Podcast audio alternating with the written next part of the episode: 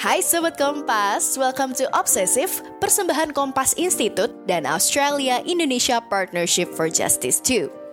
Episode kedua dari empat cerita perubahan kali ini akan membahas topik yang seru banget, yakni tentang pemanfaatan lenong untuk edukasi pencegahan perkawinan anak.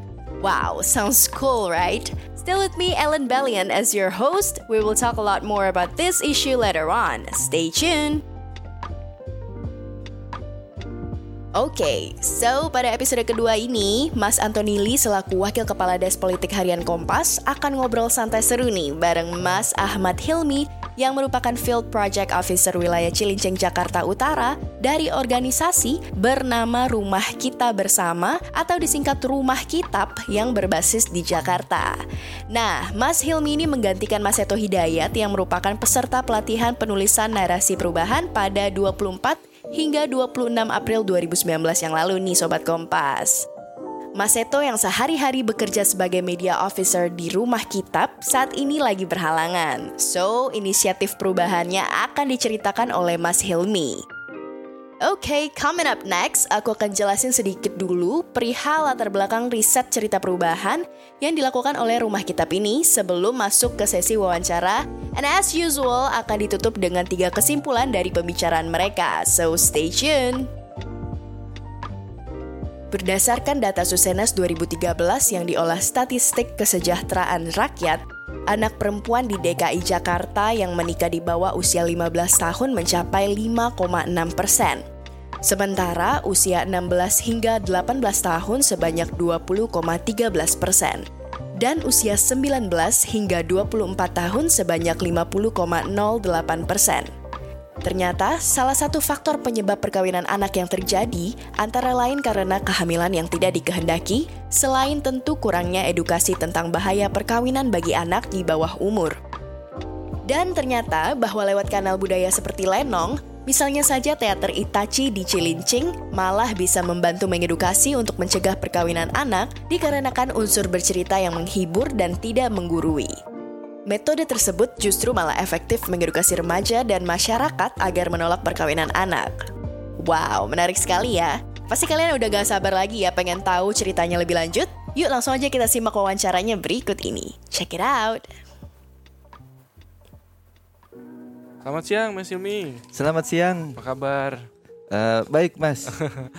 Gimana mas, kabarnya um, juga? Baik baik. Mas ini kan kita mau bahas soal apa namanya rumah kitab ya. Iya. Yeah. Um, tapi sebelum itu kita ingin tahu uh, Mas Hilmi itu latar belakangnya apa dan kesibukannya apa sih? Boleh nggak cerita soal keseharian Mas Hilmi dulu kepada uh, okay. pendengar obsesif? Uh, saya Hilmi uh, aktif di rumah kitab sebagai uh, peneliti ya di lapangan terus jadinya ya. hmm. ya. Jadi uh, biasa terjun ke masyarakat, uh, mengamati, melihat, uh, kemudian berkomunikasi Ya. Setelah itu melakukan pemberdayaan. Apabila di sana sini ditemukan berbagai macam uh, yang perlu diperbaiki, misalnya dalam konteks perkawinan anak. Oh, oke. Okay. Okay. Mas sudah berapa lama Mas bergabung di apa namanya di uh, rumah kitab? Uh, saya sudah enam tahun. Enam tahun. Uh, ya? Selain penelitian juga saya aktif menulis karya ilmiah juga hmm. selama enam tahun itu. Oke, okay. menarik, menarik.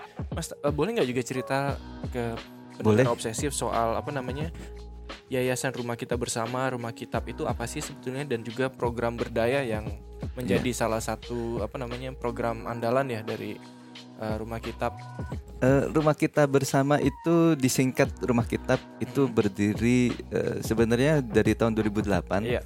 Tapi baru uh, memiliki uh, kelembagaan hukum hmm. uh, badan hukum itu yeah. pada tahun 2011 2011 ya nah, Uh, rumah kita merupakan uh, lembaga NGO atau National Organization Government uh, National Government Organization hmm. yang uh, tugasnya uh, kegiatannya itu melakukan penelitian pemberdayaan yeah. masyarakat uh, yang terkait dengan uh, disabilitas, yeah. uh, ketidakadilan gender dan hmm. lain-lain. Hmm okay. ketidakadilan sosial. Oke, okay, buat teman-teman apa namanya sobat obsesif yang nggak terlalu familiar dengan NGO, NGO itu mungkin dalam sederhananya adalah lembaga swadaya yeah. masyarakat. Lembaga ya. swadaya masyarakat. Jadi memang Singkatnya. dilakukan oleh masyarakat sendiri untuk uh, masyarakat juga ya yeah. sebetulnya. Nah, dari Mas, masyarakat kalau- untuk masyarakat. Iya betul, Mas. Kalau kita lihat sebenarnya apa sih yang melatar belakangi lahirnya program berdaya? Apa sih landasan filosofisnya dan sebenarnya apa yang dicapai lewat program itu? Eh, program berdaya itu dimulai 2017. Hmm.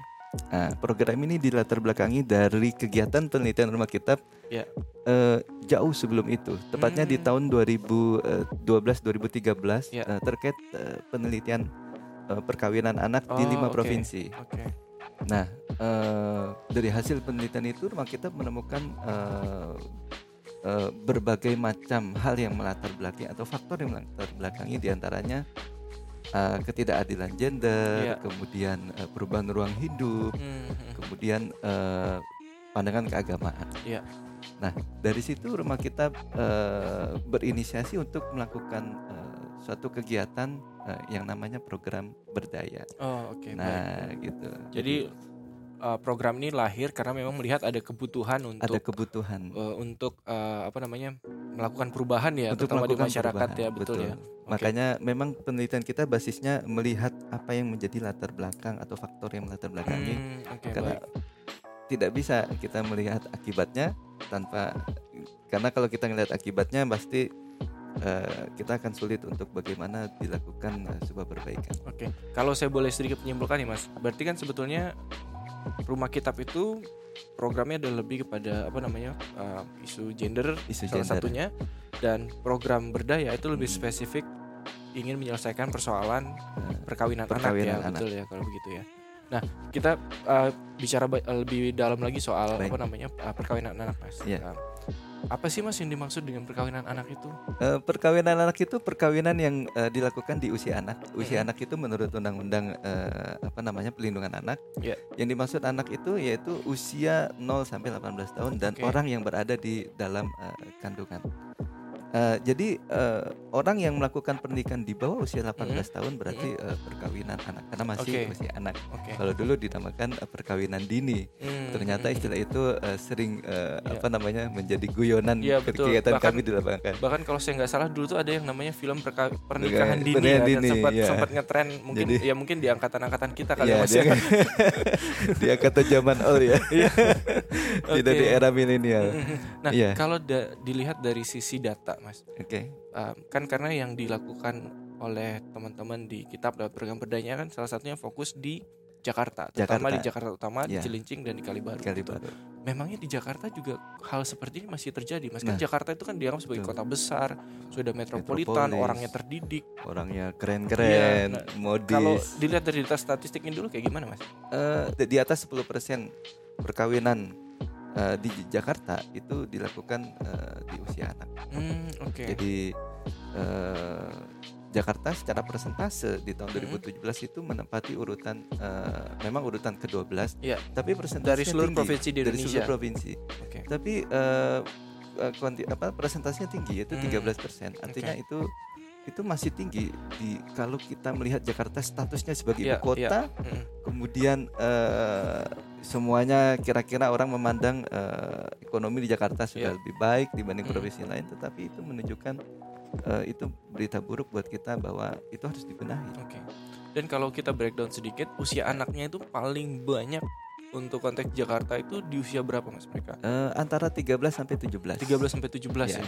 Oke, baik. paling banyak. Pertanyaannya kemudian pasti juga sobat um, Kompas juga pengen tahu kenapa kok masih bisa hal semacam itu terjadi di Jakarta ya mas? Kan Eh. seperti tadi udah dibilang um, terdidik, metropolitan segala Eh, macam, sudah. kok masih terjadi kan orang menganggap perkawinan anak itu um, sesuatu yang zaman dahulu gitu. Iya. Nah, tapi di tengah kota yang sudah modern, metropolit eh, metropolitan kok masih kejadian hal seperti ini, Mas? Iya.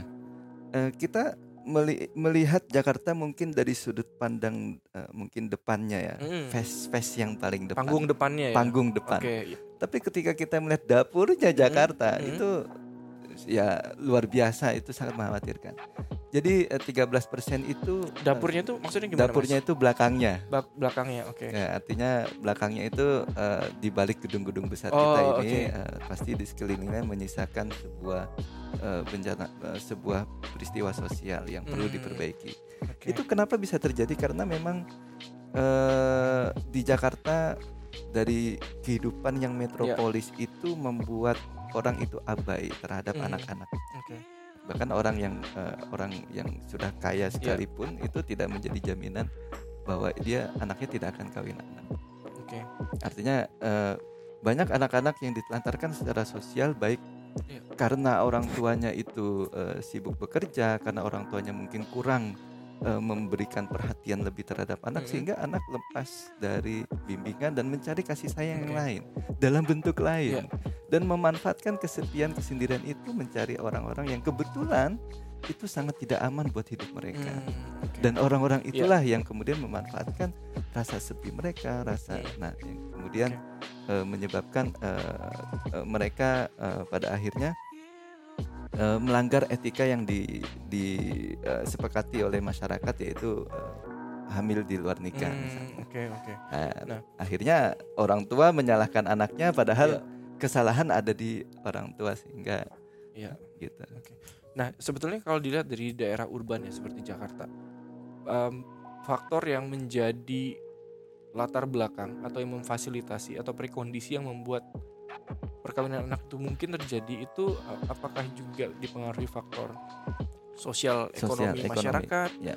budaya atau apa ya mas? Mana yang lebih dominan sebetulnya? Uh, kalau budaya itu uh, bagian uh, apa namanya finalnya ya, hmm. tapi uh, starting pointnya adalah uh, dari uh, tidak adanya perhatian anak dan eh, tidak adanya perhatian orang tua terhadap anak di samping itu eh, kesempatan untuk eh, meraih penghasilan ekonomi kemudian rendah yeah.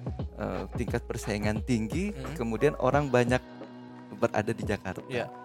eh, kesempatan eh, sangat terbatas sehingga eh, banyak orang yang eh, gagal eh, apa namanya eh, memenuhi ekspektasinya dalam bidang ekonomi sehingga mm-hmm dari orang yang uh, tidak setidaknya mapan atau bahkan apalagi yeah. tidak memiliki akses ekonomi uh, waktunya lebih uh, banyak disibukkan untuk mencari hal-hal yang uh, demi memenuhi kebutuhan hidup.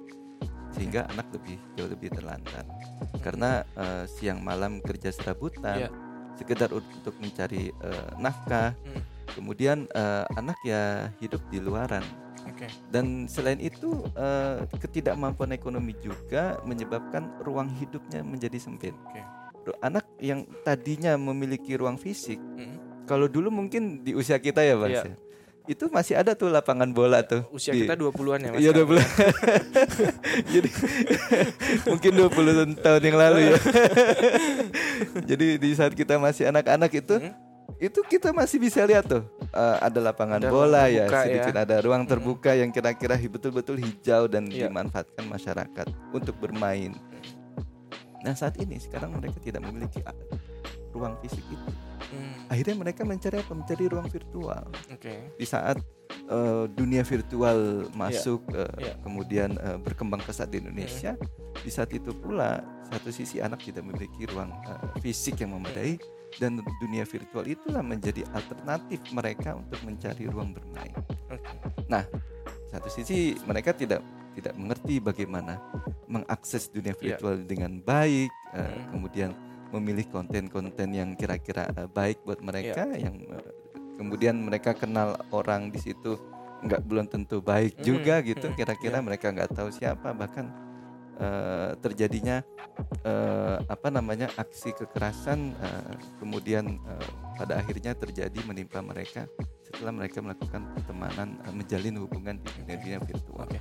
Terus kalau kita lihat kan sebenarnya apa yang terjadi di ruang digital itu kan sebenarnya refleksi dari apa yang ada di ya, kita sebutlah dunia luar jaringan ya sebetulnya. Iya, memang. Nah, kalau sebagian besar yang tadi Mas Hilmi ceritakan itu kan lebih banyak ke faktor yang memang dalam tanda kutip insidental tanpa terencana yeah. karena misalnya relasi uh, antara anak dengan anak itu sendiri yang mungkin yeah. um, dalam tanda kutip kemudian um, ada mungkin istilah married by accident karena yeah.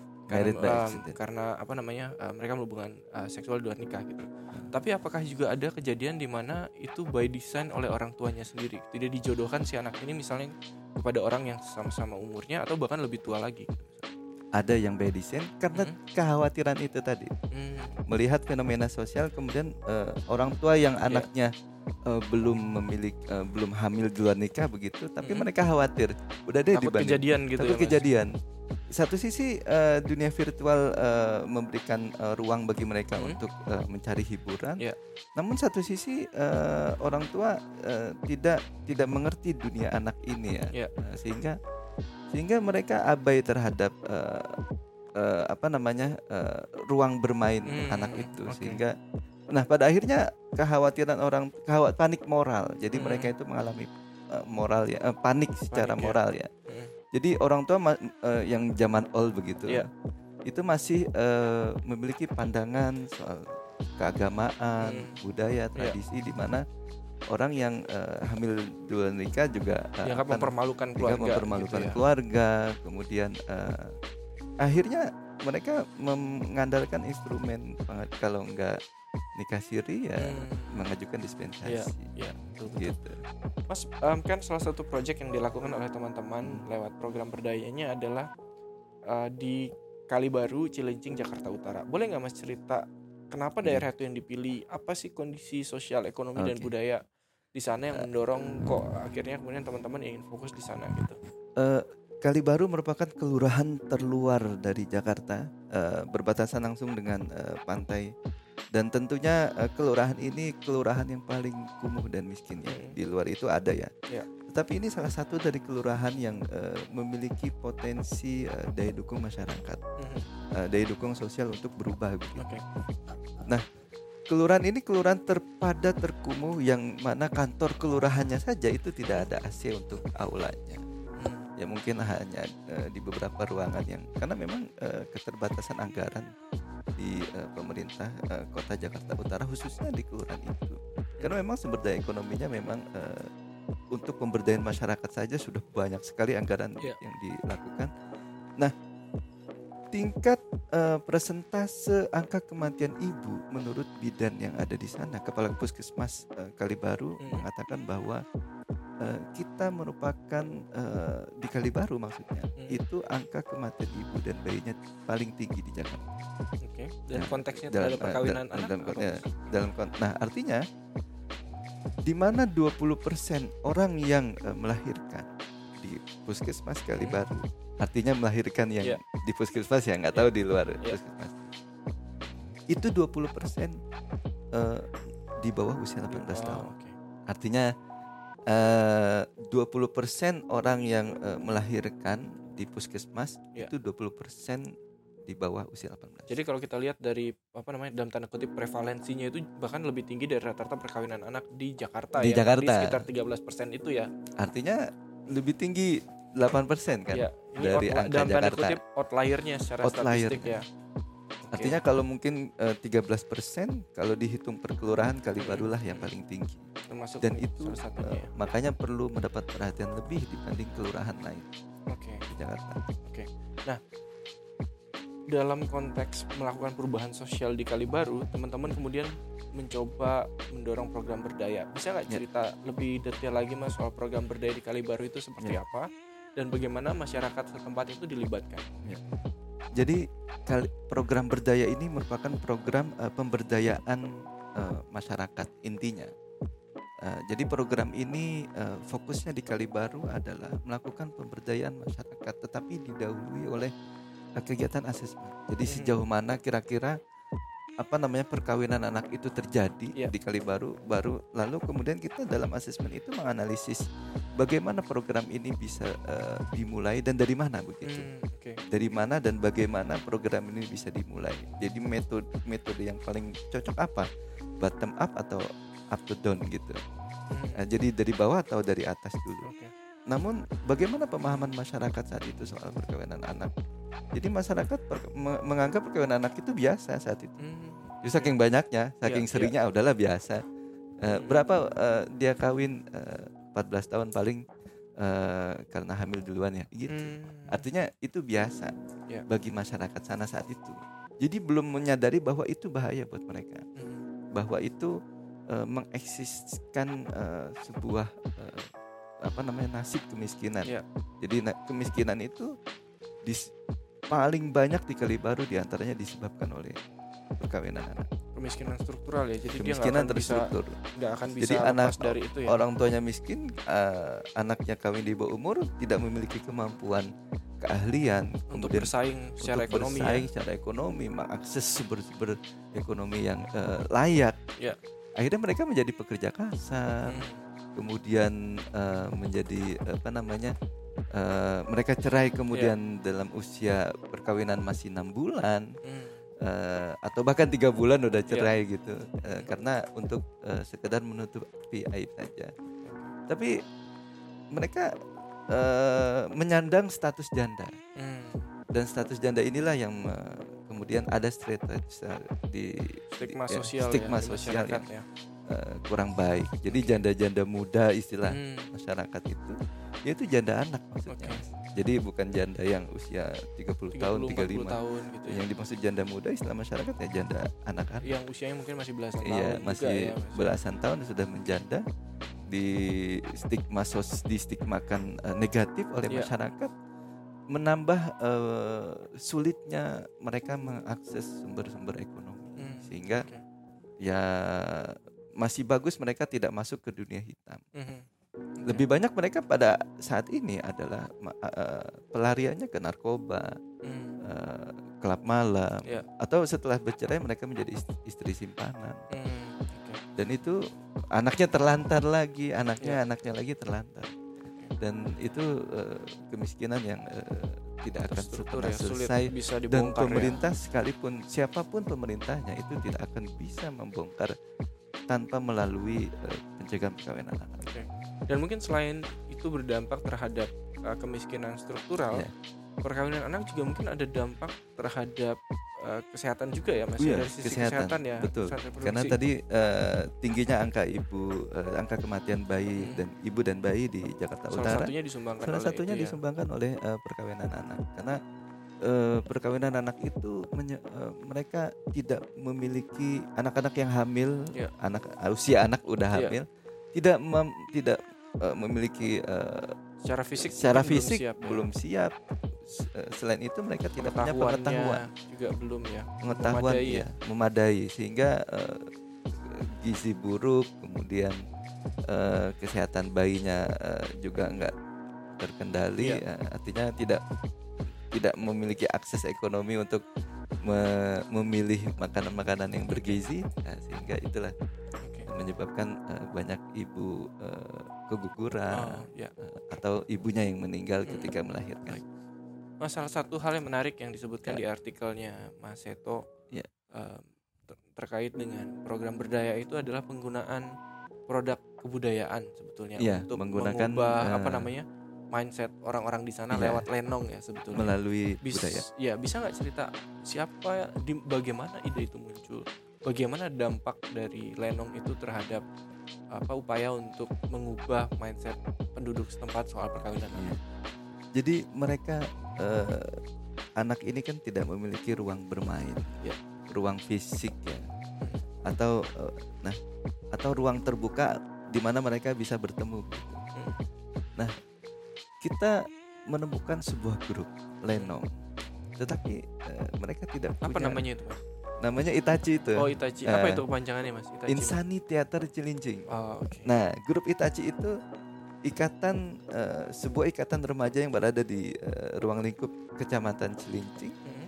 eh, di mana mereka bergabung dari eh, berasal dari berbagai kelurahan, Iya. mereka bergabung di sebuah tempat untuk eh, me- melakukan kegiatan olah seni lah. Hmm, berapa orang mas yang sudah tergabung di situ Nah, eh, sekitar eh, 80-an. lah. 80-an Nah, anak ya 80-an. ketemuannya di mana biasanya mas di sana mas kumpulnya. ketemuannya itu saat dulu mereka di Air Petra. Tetapi Hmm. karena Air Petra ini rebutan ya eh, jamnya, kemudian nah eh, Petra itu Air Petra tingkat kecamatan. oh, ru- Jadi eh, ruang eh, Ruang? Air Petra ruang terbuka Ruang hijau. terbuka hijau, eh, oke. eh, jadi yang digagas eh, dulu oleh Gubernur Ahok ya. Hmm. Tapi di Cilincing Air Petranya cuma satu, Air Petra itu kalau nggak salah belakangnya ramah anak ya ramah anak. Iya. Ya, saya agak lupa Agak lupa ya. iya. Eh. Nah, Jakarta Utara ah, memiliki Air Petra yang paling sedikit dibanding Jakarta yang lain. Terutama di Kecamatan Cilincing Air Petra cuma satu, eh, namun eh, penduduk anaknya banyak. Iya. Penduduk usia anaknya banyak. Sehingga eh, teman-teman Itachi kalau mau mentas itu nunggu antrian tuh. Hmm. mau ikut latihan mau ngumpul iya. bareng yeah. nunggu antrian dan memang di situ gratis kan hmm. yeah. kalau di tempat lain kan mereka bayar mereka yeah. akhirnya mereka memanfaatkan lokasi-lokasi parkiran yang lagi kosong hmm. misalnya di parkiran eh, kecamatan atau di parkiran KUA yeah, gitu yeah, di yeah. bawah pohon rindang mereka ketemulah di situ. Nah setelah kita ada di Kalibaru, kita mulai benahi yang tadinya uh, paling anggotanya cuma 15 orang, yeah. terus gak jelas uh, visi misinya mau ke mana. Nah kita buat Itachi ini sebagai sebuah ruang uh, bertemu anak-anak dengan visi menyelamatkan anak-anak kali baru dari perkawinan anak okay. dan dari kekerasan uh, terhadap anak. Artinya dibanding mereka uh, menerima uh, apa namanya uh, menjadi korban kekerasan atau hmm. menjadi uh, korban uh, dimanfaatkan oleh bandar yeah. narkoba, kemudian mereka diciduk BNN, hmm. mendingan mereka ke situ, mereka bermain habis sekolah atau bahkan yang sudah putus sekolah juga ikut bermain, ikut, ya? mengisi ruang yeah. uh, hidup dan itu kontennya semuanya soal ajakan untuk tidak yeah. Tidak ikut serta dalam perkawinan yeah. anak ya yeah. sebetulnya uh. itu bisa cerita nggak mas uh, seperti apa sih mungkin salah satu cerita yang uh, contoh ceritanya yang dilenongkan oleh teman-teman uh. di sana nah uh, contoh ceritanya uh, pernah kita uh, buat uh, mentas uh, mereka undang uh, kita undang mereka untuk mentas di apa namanya di Jakarta itu uh, kalau tidak salah tanggal 12 Maret. Hmm. Nah, itu temanya tentang kawin anak. Yeah.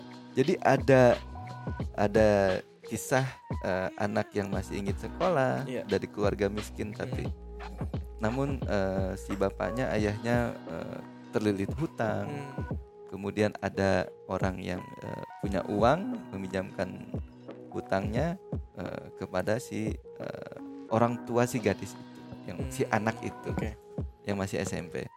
Kemudian karena dia tidak mampu bayar, nah si orang kaya ini si Babe Rojali iya, namanya. Yeah, yeah. Nah itu, itu nama, uh, bukan nama sebenarnya ya. Bukan Jadi nama sebenarnya. Ada yang namanya Rojali, mohon maaf ya. Mohon maaf. nah si Babe Rojali ini kemudian uh, tertarik uh, karena sering kawin begitu. Itu sering nikah ya mas? Sering yeah. kawin ya, nikah, poligami begitu. Yeah. Itu istrinya udah banyak, dia ingin uh, memberi istri si anak ya hmm. SMP-nya si orang yang miskin yeah, tadi. Yeah. Nah, akhirnya ya tidak ketidakberdayaan ekonomi itu ya sudahlah anaknya dikawinkan uh, dengan hmm. si Rojali. Tetapi pada akhirnya di akhir cerita uh, karena uh, kesadaran masyarakat terkait bahaya perkawinan yeah. anak sudah muncul, sudah ada dan sudah ada pemberdayaan soal uh, pentingnya mencegah perkawinan yeah. anak sehingga beberapa uh, tokoh uh, yang diperankan di situ misalnya RT Ustadz hmm. uh, ikut bantu sama-sama mencegah uh, akhirnya nggak jadi ya. dan si selfie si anak itu akhirnya uh, tetap lanjut sekolah. Oh, okay. baik happy ending ya semoga juga itu happy uh, ending nanti di dunia real juga kejadian semoga juga ya, ya semoga tapi memang uh, banyak kejadian realnya nggak happy ending gak happy gitu ending, ya. karena uh, tokohnya uh, RT tokoh non formalnya iya. begitu yeah. itu gagal hmm, untuk me, okay. uh, menghentikan yeah. itu yeah. nah cerita ini untuk mengkritik sosial sebenarnya hmm. sehingga eh, bagaimanapun tokoh non formal tidak boleh pantang yeah. atau tidak boleh menyerah, menyerah begitu yeah. saja terhadap realitas sosial. Mereka harus menyelamatkan anak-anak yang ada di situ. Oke. Okay. Nah, Mas ini kan sudah uh, ada upaya untuk melakukan perubahan budaya. Nah, respon yeah. dari orang-orang di sana sendiri gimana? Orang Sangat tua, positif. tokoh masyarakat? Sangat positif, Mas. Hmm. Karena orang tua merasa terbantu dengan adanya Itachi itu, sehingga mereka tahu ke mana anaknya yeah. bermain dan yeah. mereka merasa aman begitu. Hmm okay. sehingga tidak ada panik moral tadi. Yeah. Okay. Jadi kita uh, kepanikan itu kan uh, muncul ketidak rasa amanan yang yeah. dimiliki masyarakat terhadap anaknya mm. begitu. Sehingga uh, namun mereka tidak memiliki solusi. Yeah. Nah kita memberikan uh, solusi itu menciptakan ruang bagi anak uh, agar bisa bertemu dari hmm. mana pun dia asalnya yeah. dari Bugis dari Makassar yeah. dari Riau siapa pun itu yang penting mereka tinggal di situ dan mereka ikut gabung. Okay. Mas Ilmi ini kan programnya berarti sudah mulai sudah hampir dua tahun ya karena dimulai Ya, sudah dua tahun lebih. 2017 ya. Iya. Oh 2017. Nah, Juni 2017 oh, 2000, dan Juni su- 2019. Oke, Jadi udah, udah dua lewat tahun ya, dua dua tahun ya. Nah, kalau Mas Hilmi melakukan self assessment lagi terhadap program ini Ya. gitu. Kira-kira dampak at- atau perubahan apa sih yang sudah dibawa lewat program berdaya di Setidaknya saya itu? sangat optimis dari eh, perubahan pengetahuan pertama. Hmm, Tadinya masyarakat itu tidak menyadari soal eh, kebahayaan kawin anak Iya. itu. Jadi kawin anak ya biasa lah. hmm, Yang penting orang eh, udah eh, hamil harus dinikahin. Nah itu Hmm. mereka nggak paham tuh Iya. bahayanya. Nah saat ini mereka sudah memiliki pengetahuan yang baik dan saya optimis mereka eh, menyadari betul bahwa perkawinan anak itu tidak baik dan otomatis mereka harus proaktif. Nah ini perubahan yang kedua adalah setidaknya eh, saat ini mereka sudah secara aksi melakukan eh, komitmen bersama yang ditandatangani pada 4 April 2019 sebagai bentuk berubah drastisnya pengetahuan mereka soal pen- dari eh, abai terhadap perkawinan Ya. anak menjadi aktif. Oh, kalau begini kita harus selesaikan masalah hmm, kita. ya. Ini kemiskinan tidak hanya program pemerintah Hmm. tapi juga nasib kita Iya. bersama. Jadi nah, jadi eh, perkawinan anak itu harus dihentikan dari bawah. Nah, makanya pada tanggal 4 April komitmen bersama deklarasi eh, karena waktu itu temanya tentang deklarasi deklarasi sehingga saat itu kita temanya deklarasi tapi eh, deklarasi, deklarasi sosial Oke. deklarasi eh, RW 06 menuju RW layakan Iya. jadi di situ tidak hanya eh, tokoh-tokoh RW atau RT saja Iya. tetapi eh, tokoh tingkat kelurahan, kecamatan, bahkan tingkat kota dan eh, provinsi Hmm, itu ikut eh, berpartisipasi membangun komitmen itu Oke. dan eh, menciptakan RW 06 eh, sebagai sebuah Iya. pilot project eh, untuk eh, wilayah ramah anak di Kalibaru. Oke. Nah, namun kemarin kita ketemu lagi dengan para tokoh non formal dan formal se. Jakarta Utara. Mereka berkomitmen bahwa itu tidak hanya menjadi pilot projectnya tingkat kelurahan, tapi Hmm. sudah menjadi pilot projectnya tingkat kota. Oke. Jadi tingkat kota, Iya. pemerintah kota administrasi Jakarta Utara memberikan perhatian lebih setelah dua bulan pasca komitmen untuk menjadikan RW 06 menjadi eh, pilot project untuk kemudian membuat RW-RW ramah anak lainnya Oke. se Jakarta Oke. Utara. Mas Ilmi, kalau kita Itu lihat kan setidaknya perubahan yang Iya, kan perubahan yang paling awal itu kan tahu dulu ya. tahu dulu Dari tahu kemudian ada dari komitmen dari gitu. tidak tahu menjadi tahu kemudian ada, ada kesadaran komitmen ya, kesadaran dan Ke- kemudian ber- ada tuh, komitmen untuk Eh, kesadaran mengatasi dulu sebelum itu. komitmen Oh, iya Oke. Eh. Nah, kira-kira ap- ap- apa upaya lain dari kita ke depannya untuk mempercepat perubahan itu? Setidaknya kita eh, membantu bagaimana RW ini betul-betul menjadi RW layak anak Ya. Dan diikuti oleh RW yang lain. Hmm, Jadi kita kemarin menyusun roadmap atau master plan Ya. yang kira-kira itu bisa eh, tidak hanya bisa diaplikasikan di RW 06 tetapi juga bisa diaplikasikan RW yang lain. Master Oke. plan ini eh, targetnya 10 tahun. Ya. Tapi masyarakat yang ikut gabung dalam musyawarah pembentukan perumusan master plan itu tidak sabar bahwa semoga tiga tahun kita sudah hmm, mewujudkan master plan Oke. ini dengan uh, sesuai target Ya. yaitu menjadikan wilayah, uh, wilayah ramah anak dalam waktu tiga tahun. Nah kita membantu itu oke. sehingga kalau itu sudah selesai maka itu pengaruhnya bagi tingkat kelurahan dan pengaruhnya bagi tingkat level kota Ya. itu luar luar biasa. Harapannya nanti bisa direplikasi di tempat lain ya kalau di contoh tempat itu ya. lain. Nah, tapi agar itu bisa tercapai kira-kira peran apa yang harus diambil oleh para pemangku kepentingan apakah remaja itu sendiri, orang tua, kepala daerah dan pemerintah supaya uh, pernikahan anak itu bisa diminimalisasi setidaknya. Eh, melalui eh, penguatan kelembagaan dan eh, penguatan masyarakat ya. Hmm. Jadi eh, karena memang isi master plan itu adalah penguatan kelembagaan di tingkat tokoh formal dan formal maupun masyarakat di tingkat Iya. orang tua dan remaja. Jadi semua ambil peran ya Mas Semua harus ambil ya. peran karena memang tidak bisa eh, tokoh formal sendirian, Iya. lurah sendirian bikin gebrakan nggak bisa Hmm, juga. Oke. Di Jakarta berbeda dengan situasi lainnya di Oke. luar Jakarta. Dan ekspektasi dari teman-teman di uh, di rumah kitab maupun yeah. juga yang terlibat di program berdaya ini nanti sudah bisa lebih besar lagi dampaknya, dampaknya bisa lebih besar dalam lagi. waktu bahkan tidak sampai 10 tahun ya tidak sampai 10 tahun itu ya nanti uh. kita lihat saja dalam beberapa tahun ke depan sobat ya, kompas semoga bisa nanti, terwujud uh, seperti apa dengan semangat yang ada baiklah sobat demikian wawancara ya. saya dengan Mas Ahmad Hilmi ya. Terima uh, kasih. Banyak sekali pengetahuan yang kita dapat hari ini dan mungkin juga cerita bahwa perkawinan anak atau mungkin kalau film yang dulu ngetren itu pernikahan dini itu terjadi juga di sekitar kita di Jakarta yeah. yang merupakan ibu kota negara. Jadi uh, nanti kita lihat bagaimana dampak yang dihasilkan oleh teman-teman. Yeah seperti apa nanti perubahannya yeah. apakah bisa terakselerasi ya kita lihat sama-sama saja nanti bagaimana yeah. baiklah itu dulu sobat uh, Kompas semuanya sampai ketemu lagi di episode berikutnya terima kasih Kompas Nah, Sobat Kompas, gimana nih wawancaranya? Menarik banget ya program yang dilakukan oleh Rumah Kitab ini. Selanjutnya, aku akan menyimpulkan beberapa poin penting dari obrolan bersama Mas Hilmi tadi. Yang pertama, Menurut Mas Hilmi, beberapa faktor yang menyebabkan tingginya angka perkawinan anak adalah kurangnya perhatian dari orang tua, kurangnya ruang bermain, kemudian juga didukung oleh faktor kondisi ekonomi yang rendah, sehingga berdampak pada terbatasnya anak dalam mengakses pengetahuan perihal pencegahan perkawinan anak.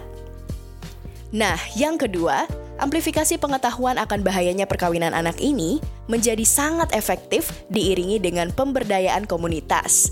Kegiatan seperti yang dilakukan oleh Itachi atau Insani Theater Cilincing ini contohnya, yang merupakan turunan dari program berdaya, dapat menjadi medium bagi anak-anak untuk bertemu dan berbagi pengetahuan dalam pencegahan perkawinan anak. Dan yang terakhir nih Sobat Kompas, Mas Hilmi juga mengatakan bahwa seluruh lapisan masyarakat harus turut ambil peran dalam mencegah perkawinan anak ini. Diawali dari memberikan kemudahan akses informasi, lalu proaktif mencari pengetahuan yang cukup, kemudian diikuti dengan komitmen untuk mengatasi problem tersebut. Untuk Sobat Kompas yang mau tahu lebih banyak tentang kegiatan Yayasan Rumah Kitab dan Teater Itachi tentunya, langsung saja kunjungi akun sosial media Rumah Kitab atau di website rumahkitab.com. Sampailah kita di penghujung episode kali ini.